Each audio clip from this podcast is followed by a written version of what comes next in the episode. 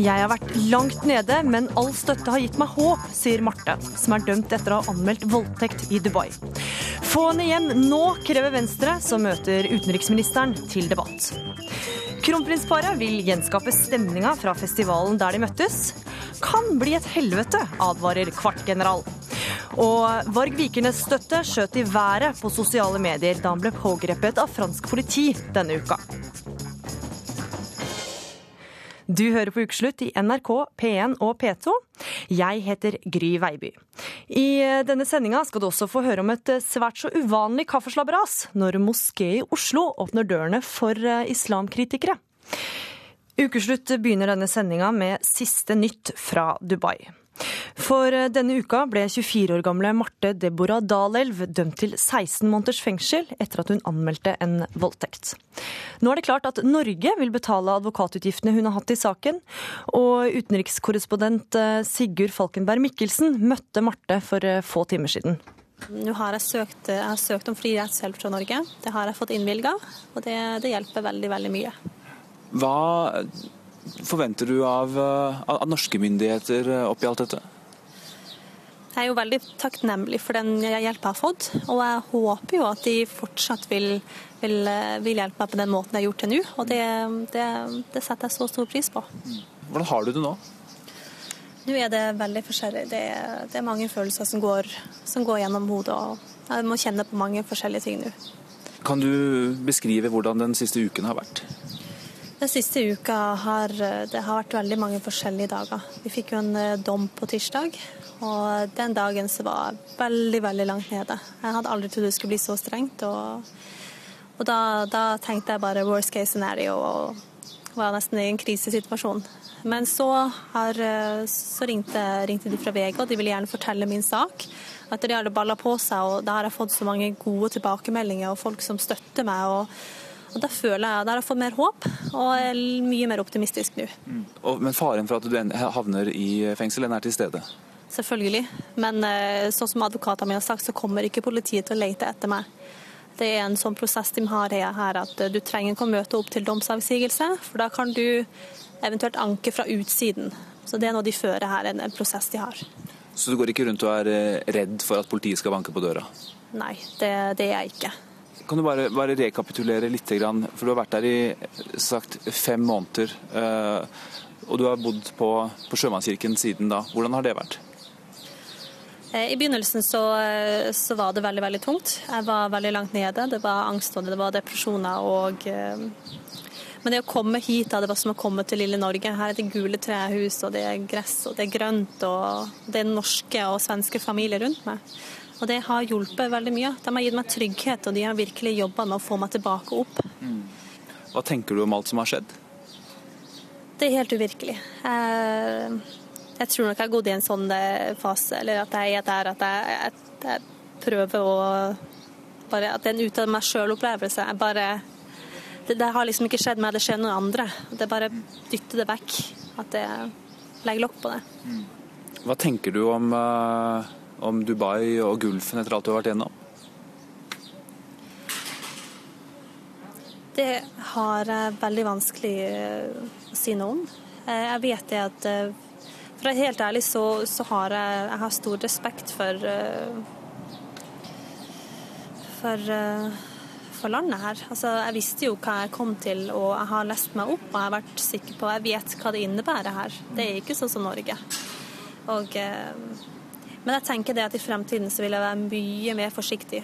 Um, selvfølgelig, det her er jo ikke noe som jeg gikk inn i og, liksom oppsøkte, men man må være veldig forsiktig når man er i land som man ikke, som man ikke kjenner så godt. Man er gjester i et ukjent land. Og siden eh, saken ble kjent denne uka, så har norske myndigheter fått kritikk for å ikke gjøre nok. Og partileder for Venstre, Trine Skei Grande, hvor mener du regjeringa svikter i denne saken? Jeg mener at de kom altfor sent på banen, men de skulle ha vært mye tidligere før VG begynner å skrive om saker nå, som burde de ha lagt på et stort trykk. Jeg mener at hun bør først og fremst få tilbake, kreve at hun får tilbake passet sitt og få komme tilbake til Norge. Eh, jeg mener at dette burde ha vært på statsministernivå. Dette burde man ha tatt opp på høyere nivå. Dette er en menneskerettighetsbrudd. Det er det som er, gjør denne saken annerledes enn alle andre. Dette er ikke en voksen mann tatt for stor narkokriminalitet i USA. Dette er menneskerettighetsbrudd i et land som har skrevet under på internasjonale konvensjoner, men bryter dem spesielt overfor kvinner. Utenriksminister Espen Barth Eide, i gårsdagens Dagsrevyen sa du at du har, vært tydelig, du har vært tydelig overfor utenriksministeren i Emiratene. På hvilken måte har du vært tydelig? Nei, Jeg har uh, fortalt ham hvor sterkt vi reagerer på dette, og også vist til at dette strider mot helt konkrete forpliktelser uh, Emiratene har etter uh, bl.a. FNs kvinnekonvensjon, som skal sikre likebehandling i rettsvesenet, og som også forplikter stater til å følge opp anklager om vold mot kvinner på en mye bedre måte enn det er gjort her. Og at det også er snakk om et inngrep i privatlivets fred, og at vi kommer til å forfølge dette også langs et menneskerettighetsspor. Jeg har også lyst til å si at uh, Trine Skei Grandes påstand om at vi først engasjerte oss uh, nå, det er jo helt galt. fordi at uh, UD har vært engasjert siden vi hørte om saken i mars og fikk damen ut av fengsel, formidlet kontakt til til sjømannskirken eller sjømannssenteret i Dubai.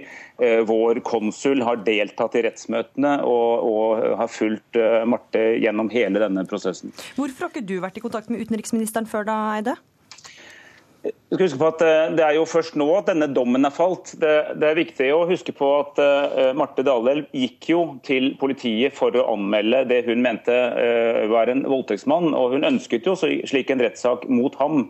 En rettssak hvor hun uh, regnet med at hun da skulle være fornærmet. Men så ser vi altså at dette snur seg slik at begge to blir tiltalt for sex utenfor ekteskapet, mens han ikke blir tiltalt og heller ikke da dømt for uh, voldtekt. og Da har det altså gått fullstendig galt av sted. Uh, det ble vi først kjent med denne uken, og da engasjerte vi oss uh, umiddelbart. Mm.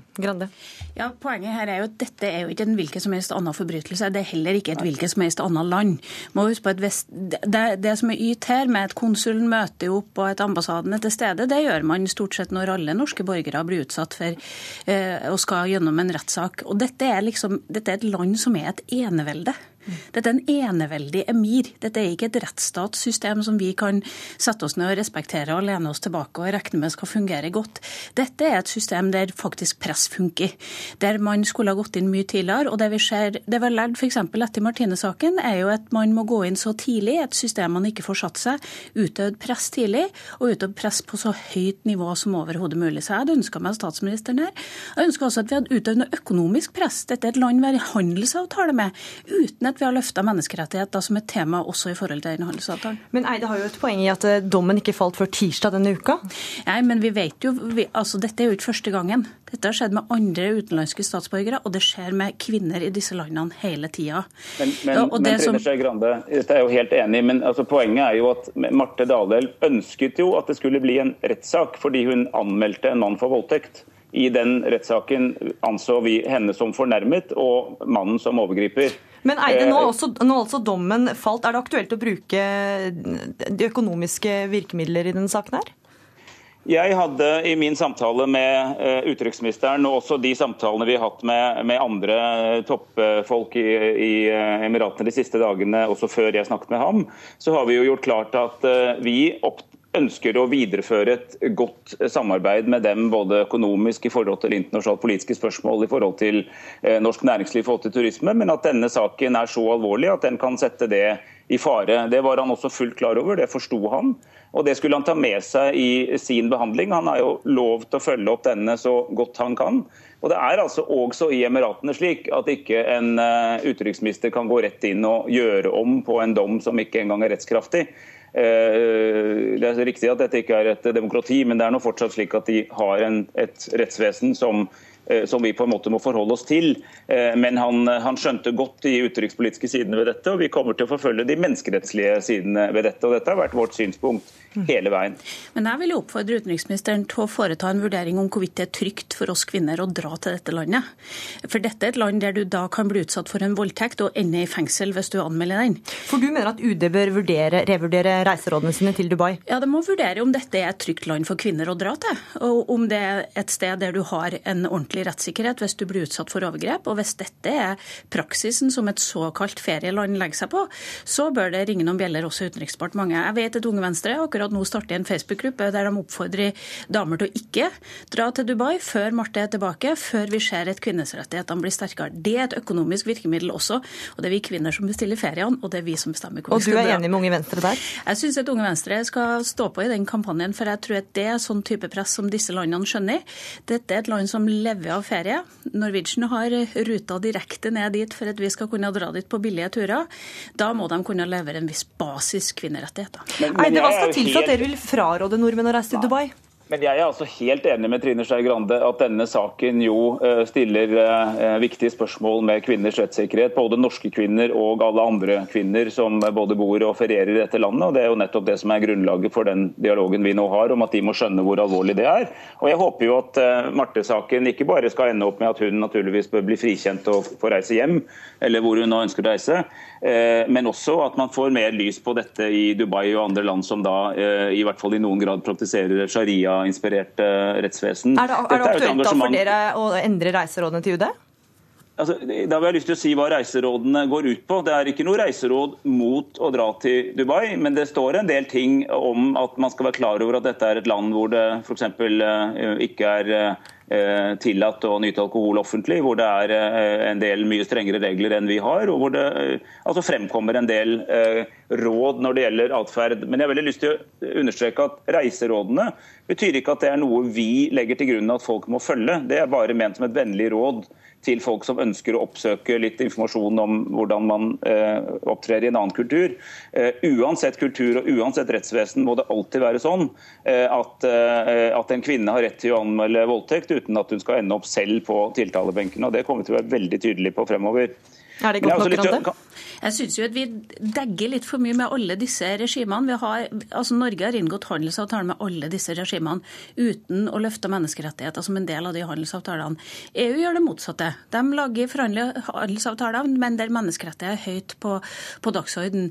Her har Norge en finansiell kraft, selv om vi er et bitte lite land, og vi kan ha muligheter til å også påvirke og sette ting på dagsorden som både gjelder norske borgere sin sikkerhet men, men, i Dette har vi gjort eh, Trine Skei Grande, for mange år siden. fordi at eh, Dubai har faktisk sluttet seg til Kvinnekommisjonen for en god del år siden. Det er bra. Eh, men så tok de der noen forbehold knyttet til sharia.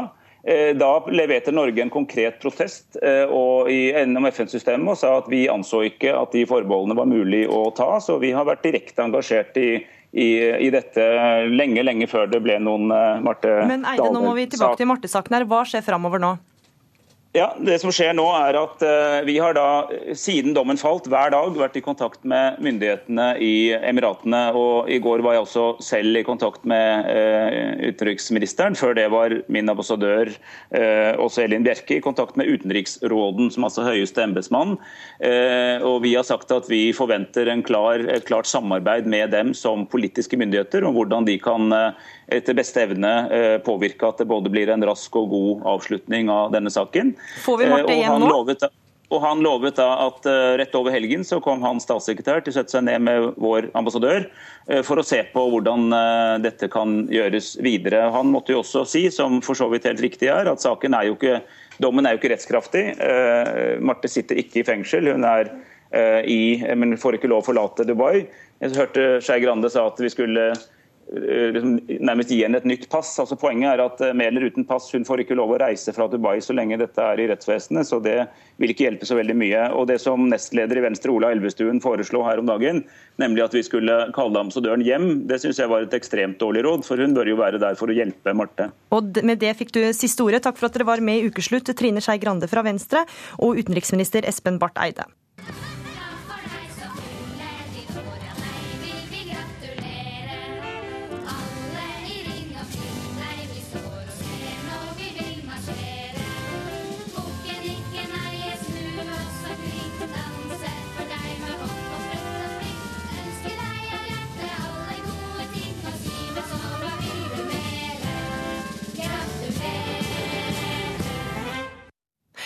I dag møtes Fiffen til storstilt hippiefestival på Skaugum for å feire kronprins, kronprins Haakons 40 år.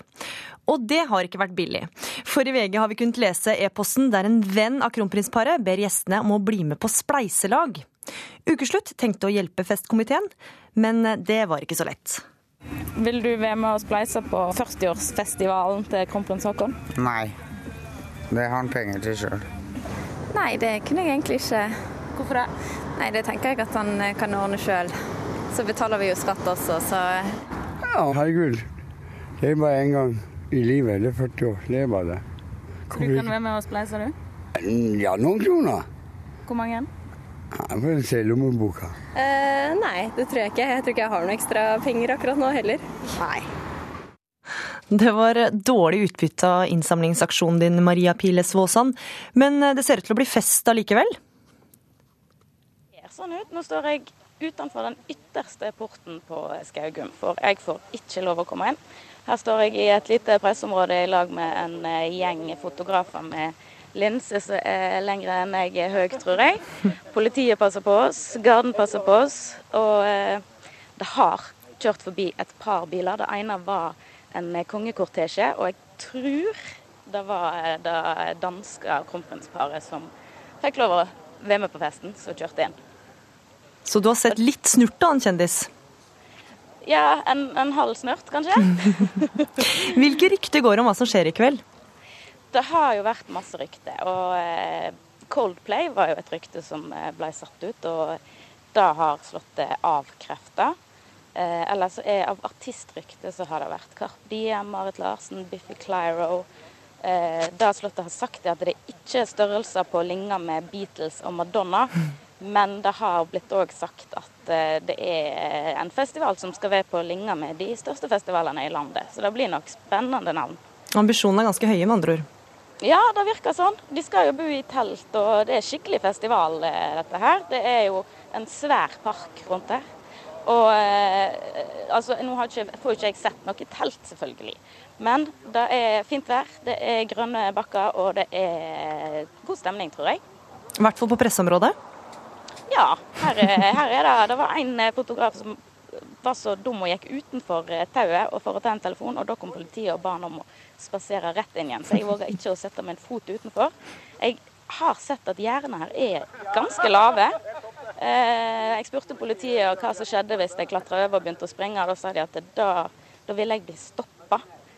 Men jeg kan jo håpe at jeg kanskje klarer å snike meg inn. Jeg har tatt på meg festivalkjolen, og det burde jo kunne kanskje la seg gjøre. Oi, oi, oi.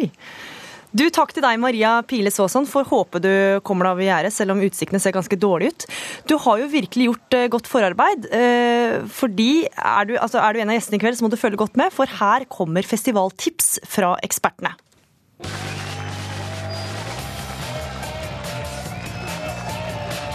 Omtrent sånn hørtes det ut på en av konsertene på Kvartfestivalen da kronprins Haakon og daværende Mette-Marit Tjessem Høiby fant tonen i 1999.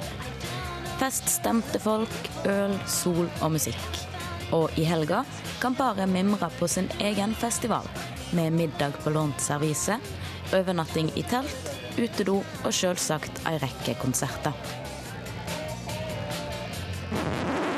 Men veit de kongelige med sine ellers så fornemme vaner hvordan en lager en ekte festival? Hvis adelen ikke har forandret seg så veldig siden Solkongens tid og Versailles, så, så er det klart det er et veldig lovende utgangspunkt for en real fest. Forfatter og tidligere pressesjef for Kvartfestivalen, Pål Hetland, veit veldig godt hva som skal til for å gjenskape kjensler fra Kvarten 1999.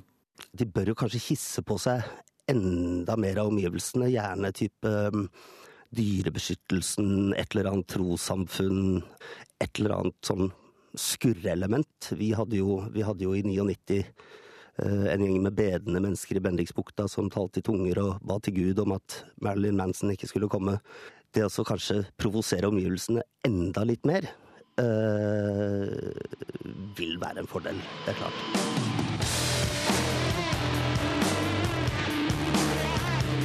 Kronprinsparet har både bedt gjestene være med på å spleise på festiviteten og å jobbe på festivalområdet. Og Hetland har gode råd om hva utfordringer som venter Mette-Marit som nyslått festivalsjef. Du har jo elementer som, eh, narkotika og, og, og, sex, som er to veldig viktige ting for festivalpublikummere. Men det brukes knark, og, og, det pules, hvis det er lov å si det på NRK. Og da er det klart at for arrangørene så er det viktig at eh, de har eh, godt samarbeid med politiet, og at narkohunder kan gå rundt på området og snuse litt på gjestene og sørge for at ikke de har ulovligheter i lommene. For med festivalcamp i Skaugumparken og alle gjestene i telt om natta, kan ifølge Kvartgeneralen det meste skje. Det er høy fyllfaktor, det er bråkete høy musikk, og campen kan bli et helvete for dem, for å si det rett ut. Her kommer vi i speiderdrakt og se på. Med ti år i speideren bak seg er teltstenge, teltplugger, sovepose og liggeunderlag noe leder i Kristelig Folkeparti, Knut Arild Hareide, kan godt. På speiderleiren i 1989, den var jo på Skaugum. Og det som jeg vet er at det er det ganske det er ganske fint seng å sette opp uh, campen på. Men uh, jeg husker at da kom det bl.a. litt vann, uh, og da blir det mye gjørme.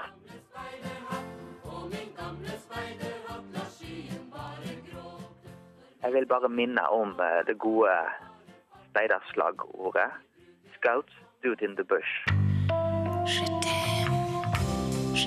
Det pleier jo stort sett å være en sexskandale, enten om det er noen som har sex på en bergknatt eller på scenen.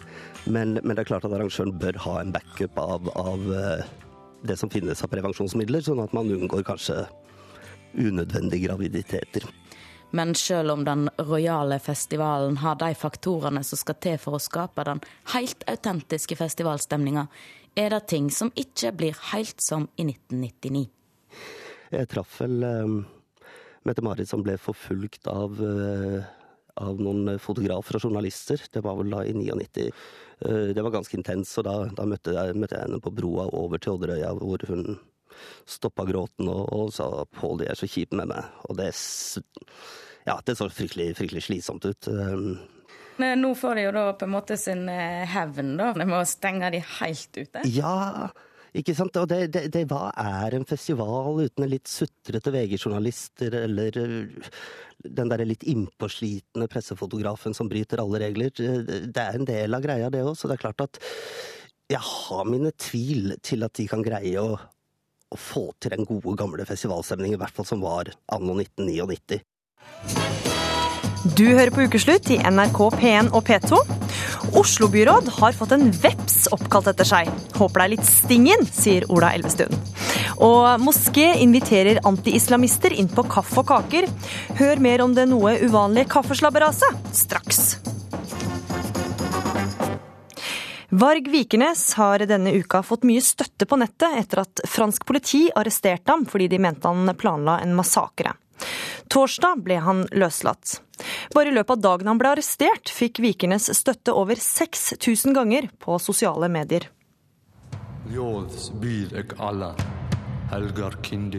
Dette er Bursum, også kjent som Varg Vikernes eller Greven.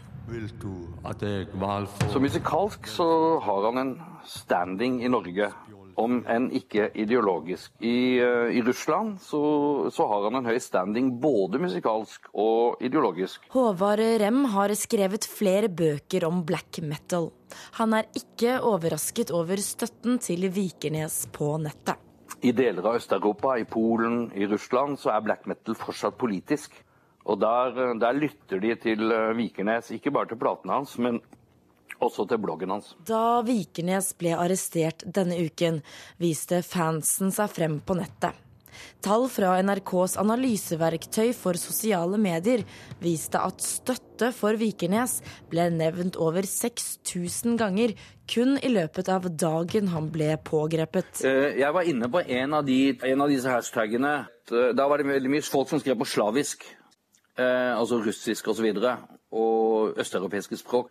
Og de, eh, altså, de lot til å støtte ham. Uh, I saw the hashtags from uh, a friend of mine who is a supporter of Vark Vigorness.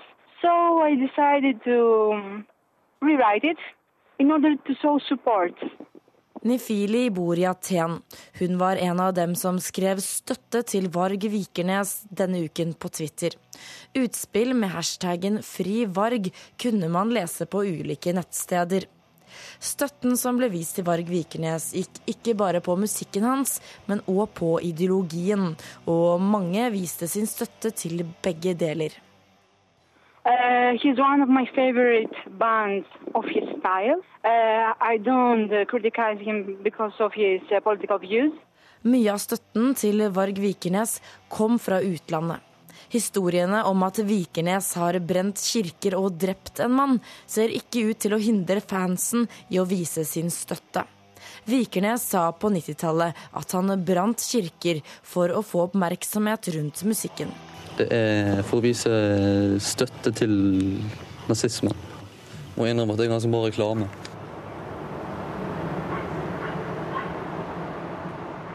I Sveigårdsgate 56 i gamlebyen i Oslo lå platebutikken Helvete. Dette var sentrum for black metal-miljøet på tidlig 1990-tallet. Butikken ble drevet av musiker Øystein Aarseth. Aarseth ble drept av Varg Vikernes. Nå kommer det black metal-turister hit. Da var det jo ikke den veggen her, og da var det liksom en liten disk og så noen kasser med skiver. Så det var ikke noe sånn Det var kanskje et mer tilholdssted, da. Kenneth Nilsen står i de gamle lokalene til helvete. Han pakker ut plater og black metal-effekter. Nå skal han åpne sin egen platebutikk Neseblod her. Det er klart folk tenker jo sikkert at å, det her er helvete og ditt og datt, men på nett og sånn så er det jo liksom folk syns det er kjempekult, da. At det er eh, At man må på en måte flytte litt tilbake igjen til det det var, da. Du står nå og pakker ut en stavkirke i sort. Det er uh, stearinlys. Så man skal brenne opp stavkirken? Ja, så kan man liksom brenne opp den. Det er, be det er bedre det enn å gjøre det i virkeligheten. Er det mange folk som kjøper stearinlys stavkirke? Ja, det er utrolig populært. Så det er sånn litt sånn suvenirting da, som folk tar med seg. Stavkirker og norrøn kultur har blitt industri for black metal-sjangeren. Men Varg Vikernes er åsatroende, og det er derfor han skriver tekstene sine på norrønt. Det sier Håvard Rem. Men han mener at den, den norrøne mytologien er en naturlig mytologi for oss. Og, og sånn sett så kan du si at han er en kulturell åsatroende. Ljóðs býð ek alla, helgar kindir, meiri og minni. Vildatek, valfóður, velfyr telja, formspjól fira, þá er fremst of mann. Og så en oversettelse til nynorsk. Høyr på meg alle klasser av menn, de større og mindre, bånd åt Heimdal. Professor i nordisk Arne Torp kjenner godt til teksten som Varg Vikernes bruker her som sangtekst. Diktet Volusbå handler om ragnarok og hvordan den nye verden skal bli, sier Torp. Dette er jo en slags norrøn verdenshistorie. Og apokalypse, framtidsvisjon, da. At han er opptatt av eh, gammel germansk eh, voldskultur. Det tror jeg nok er riktig. Har du hørt musikken som går til? Nei. Har du lyst til å høre den? Ja. Tenkte vi kanskje kunne, kunne sette på litt musikk her. Ok. Den, vi kan høre på den som går til den første her. Er.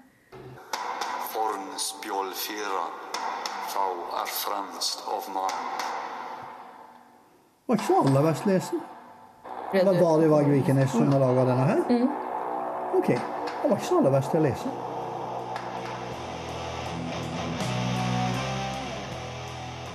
Da Varg Vikernes ble kjent på tidlig 90-tallet, fantes det ikke sosiale medier. Pågripelsen denne uken i samspill med den nye medievirkeligheten vil være til Bursums og Varg Vikernes fordel, det mener Rem. Du skal ikke se bort ifra at dette kan gi ham et løft. Men for å gå 20 år tilbake i tid, da. Kirkebrannene var jo helt avgjørende for at norsk black metal ble kjent over hele verden. Musikken i seg selv hadde aldri uh, gjort norsk black metal til et globalt fenomen. Så i den type medievirkelighet vi lever, da, så er det klart at sånne, sånne hendelser som dette her, det er jo med på å booste en, uh, en artist.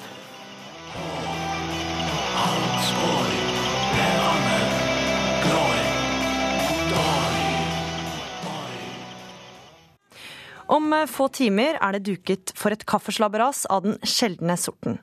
For når moskeen i Oslo snart setter fram eh, kaffen og kaka, er det den antiislamske organisasjonen Sian som sitter ved bordet. Og Josef Asidik, du er samfunnsdebattant og muslim. Hvorfor har du invitert eh, antiislamister til bords? Nei, også Det jeg tenker, da, og som moskeen også er med på, er det at vi, vi kan jo ikke bare snakke med de som er enige med oss. Også vi må jo høre hva andre har å si, da, sånn at vi kan lære oss å bli bedre og, og finne ut hva vi trenger å jobbe med da, som norske muslimer i Norge. Og den moskeen jeg tilhører er jo veldig aktiv i samfunnet, og vi ønsker å være en del av det norske samfunnet. og Da må vi også ta de utfordringer og de problemene som er i det norske samfunnet, på alvor.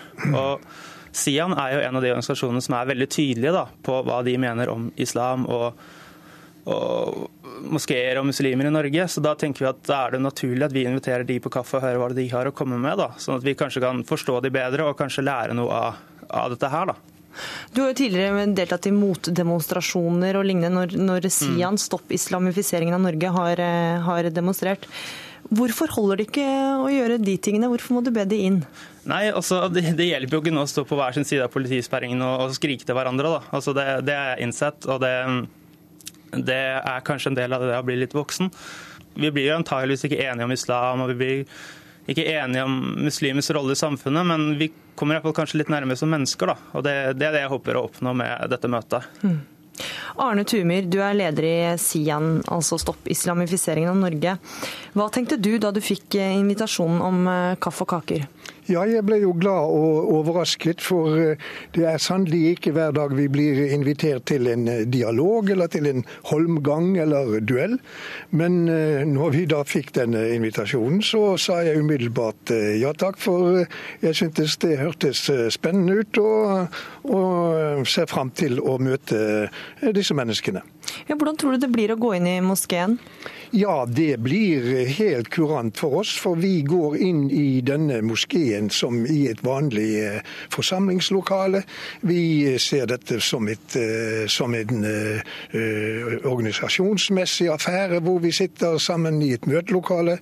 Og jeg vil jo tro at det kan bli en ganske så heftig debatt da, men, men jeg vil jo anta at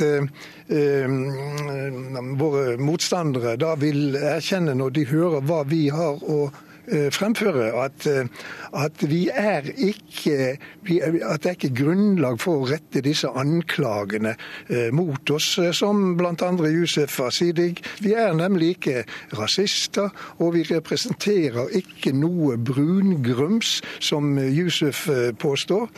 Tumir, hva slags reaksjoner har du fått av andre Sian-medlemmer da du takka ja? Ja, det er jo delte meninger. Eh, men eh, i hovedsak så det, har det synspunktet festnet seg at hvis vi får anledning til å fronte det vi står for, så er det helt kurant at vi møter eh, disse menneskene. For vi er jo interessert i å bruke argumenter og, og ordets makt, som det heter, mot våre, mot våre motstandere. Og vi har jo da også håp om at eh, kanskje vi kan så et og annet frø som tilsier at eh, muslimene tenker seg om enda en gang når det gjelder det, det forferdelige budskapet, det onde budskapet, som islam eh, representerer. Jeg hører at dere har nok å snakke om. Asidik? Eh, stemmer. Eh, for det første så håper jeg at vi kan la det jeg har skrevet være i fortid. Også fordi For det første er det moskeen som inviterer, ikke bare jeg. Så det jeg har skrevet, det håper jeg ikke blir et tema i møtet.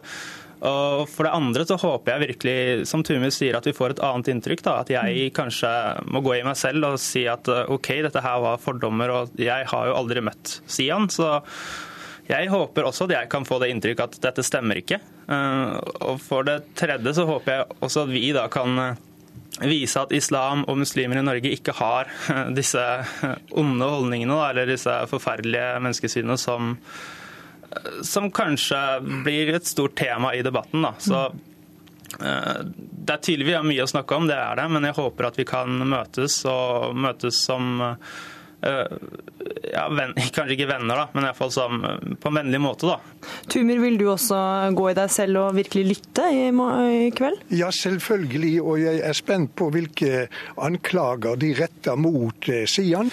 For... Det kommer ikke til å bli noen anklager. Eh, vi kommer til å møte dere som, som helt vanlig. Altså, vi, vi vi skal prøve vårt absolutt beste å være nøytrale og si at uh, dette er første gang vi møter og hører om Sian, og vi har virkelig lyst til å lytte til hva dere har å si i dag.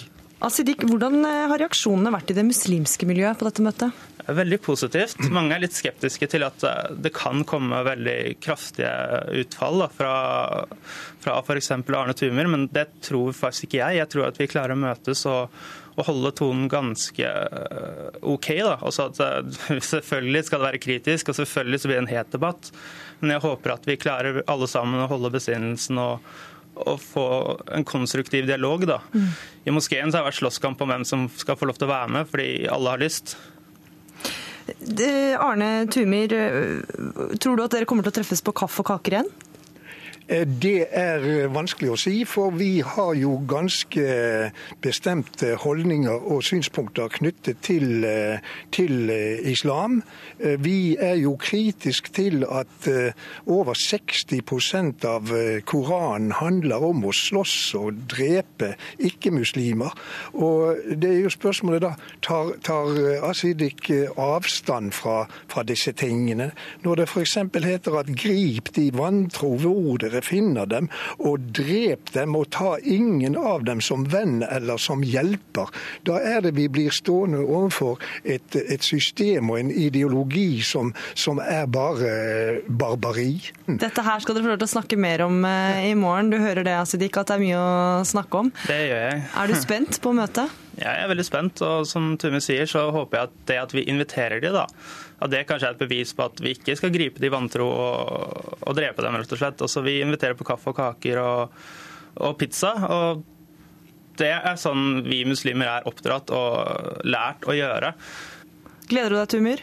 Ja, nei, Det høres jo eh, lovende ut. og Jeg håper at eh, disse muslimene da uh, vil, få, ja, vil få en lekse som de forhåpentligvis sent vil glemme. Kanskje vi også kan få noen eksmuslimer her fra dette møtet inn i vår forening. Ja, vi, vi, håper jo også at noen av dere vil konvertere, da. Men jeg tror kanskje det er ganske tvilsomt begge veier. Men kanskje vi i hvert fall kommer litt nærmere. Da. Kanskje vi kan møtes på kaffe og kake flere ganger. fordi jeg tror det er en bedre løsning enn å, å sitte, stå på hver sin side av en demonstrasjon eller å krangle, da. Da gjenstår det bare å ønske lykke til. Takk for at dere var med i Ukeslutt, Arne Tumyr og Josef Asidik. Da skal vi over til en litt annen sak. Oslo-byråd Ola Elvestuen har blitt veps. For eh, da en gruppe forskere fant en parasittveps som tidligere ikke er kjent, kalte de den like godt Afelenius elvestueni. Elvestuen sjøl er begjæra over navnvalget. Han har forstått at den er fryktelig liten. Er jo, den er jo i størrelse med en millimeter. Jeg har ikke vært og sett på den. Jeg håper at det er litt stinger i vepsen. Ellers så har jeg fått forklart av professoren at dette er et uh, nyttig liten urk. Uh, og at den da kan, uh, at den kan ta livet av bladlus. Og at man er nyttig, det håper jeg at det er et felles trekk. Og parasittvepsen Elvestueni fikk navnet fordi navnfaren har engasjert seg i å kartlegge det biologiske mangfoldet i Oslo. Og biolog Petter Bøckmann, hvor vanlig er det å få en art oppkalt etter seg? Det er en ære, det er en ordentlig ekte ære. Det er sånn man gjør til folk man liker. Ok. Eller til folk man ikke liker. Ja. Det hender det òg. Hvis du oppdager et skikkelig skikkelig vemmelig dyr, og det er noen du virkelig ikke liker, så kan du altså kalle opp et vedkommende. Det er et hint, gjerne. Har du noen eksempler på dyr som faktisk er oppkalt etter eh, noen ufyselige personer? Jeg har ikke det. Jeg kommer ikke på noen. Jeg veit at det er ett eller to eksempler, men det er sjeldenhetene. Stort sett så er det 'Å, de har mitt navn i den store, kloke boken', som er greia som foregår. Ja, for Hvor lenge lever et sant navn? Det vil jo leve for alltid, da, dette Elvestueni-navnet? Elvestueni vil leve for alltid, selv om denne arten skulle vise seg å tilhøre en annen slekt, f.eks., sånn at du må bytte det der fornavnet, så vil fortsatt hete Elvestueni. Eneste som kan skje, det er hvis det viser seg at oi, denne arten er faktisk beskrevet fra før, vi har tatt feil, det var ikke en ny art. Men det, det pleier ikke å skje så veldig ofte, da, så blir da elvestueni det vi kaller for et juniorsynonym. Altså det, sånn, det er det samme dyret, men det er det navnet man ikke bruker. Er det mange arter igjen som mangler navn? Ja da, masse, masse arter. Det er jo utrolig mye rare dyr her i verden. Mm. Uh, mesteparten er jo sånne smådyr. Kan tenke deg Tre fjerdedeler av de dyra vi har satt navn på, det er leddyr. Sånn fluer og mygg og kreps og, og reker og edderkopper og sånne ting. Og det er der hovedtyngden av dyr ligger så langt. Men vi har satt navn på ja, 1,8 millioner dyrearter. Og så tror vi kanskje at det er i hvert fall dobbelt så mange som ikke har fått navn ennå, hvis det ikke er flere. Kanskje ti ganger så mange. Hvilke andre kjente personer har fått dyr oppkalt etter seg? Og det er mye rare folk som har fått dyr oppkalt etter seg. Uh, mange rockestjerner. Uh, Bill Clinton har fått dyr oppkalt etter seg. Uh, Hva slags dyr er det? Nei, vet du hva, Jeg husker ikke, men det er stort sett disse her små fluene og ja. edderkoppene. Det er mye sånn småkravl. Det er en liten midd som er oppkalt etter vitsetegneren Gary Larsson, som heter et eller annet Gary Larsoni. Mm. Det kommer selvfølgelig av at Gary Larsson har mye sånne biovitser. Hvis du tar en liten tur ned på biologibygningen på Blindern og så, og så går i gangene, så ser du at det ofte henger sånne Gary Larsson-tegninger på dørene som har et eller annet med forskningsfeltet til forskerne å gjøre. Så han er sånn helt i biologi? Han er helt hos oss, og ja. har naturligvis fått en kul midd oppkalt etter seg. Hvilke tips har du til andre kjente personer som nå ønsker seg å få, få en art oppkalt etter seg? Sponse en eller annen forskergruppe som skal ut og kartlegge biodiversitet. Uh, gjerne i tropene, for der er det veldig mye oppdaga. Det er jo sånn at uh, Hvis du skal ha litt store dyr kalt opp etter deg, så kan du ikke vase rundt i bakhagen i Oslo og drive og lete etter dyr, for da finner du bare smådyr som ikke folk veit hva er fra før av. Vi veit hva grevling er, vi veit hva elg er, vi veit hva bikkje er. De dyra får ikke nye navn. De dyra som vi ikke har beskrevet, det er sånn småpukkel du kan tenke deg. Sånn, alt det derre småkravlet som er ute og flyr sånn nå på sommeren. Som en parasittveps, da, for eksempel? Som en parasittveps. Som, som Elvestuen helt riktig sa, er det nyttig og fint dyr. Men øh, hvis du kommer til tropene, så er det mye områder som er litt sånn hvite flekker på kartet, og der er ikke alt oppdaga ennå. Der hender det at man møter på antiloper og aper sånn som ikke har fått navn. Så hvis du skal ha et svært dyr, spons en kartleggingsekspedisjon til Amazonas. Og da er tipset sendt videre. Takk til deg, Petter Bøckmann. Vi spurte folk på gata hvilket dyr de helst ville ha oppkalt etter seg. Hvis du skulle få et dyr oppkalt etter deg, hva slags dyr skulle det ha vært? Hund. En dyreart. Dovendyret, sikkert. Eh, et dyr Altså, jeg tror en katt. Eh, for at jeg syns katter er så sjarmige med at de er selvstendige og enda er sånn her De nyter livet og gjør det de vil. Oi! Eh, nå har jeg et veldig kjipt navn, da. Men eh, Um, katt, kanskje. En katt. Hund. Hvorfor det? da? For jeg liker hunder. Jeg liker dem veldig godt. De er så små, søte hundevalper. Kanskje en pingvin. Hvorfor det? De er veldig søte. Gaupe. Hvorfor det? Jeg elsker gauper. De er ville, men du kan temme dem litt, men ikke helt.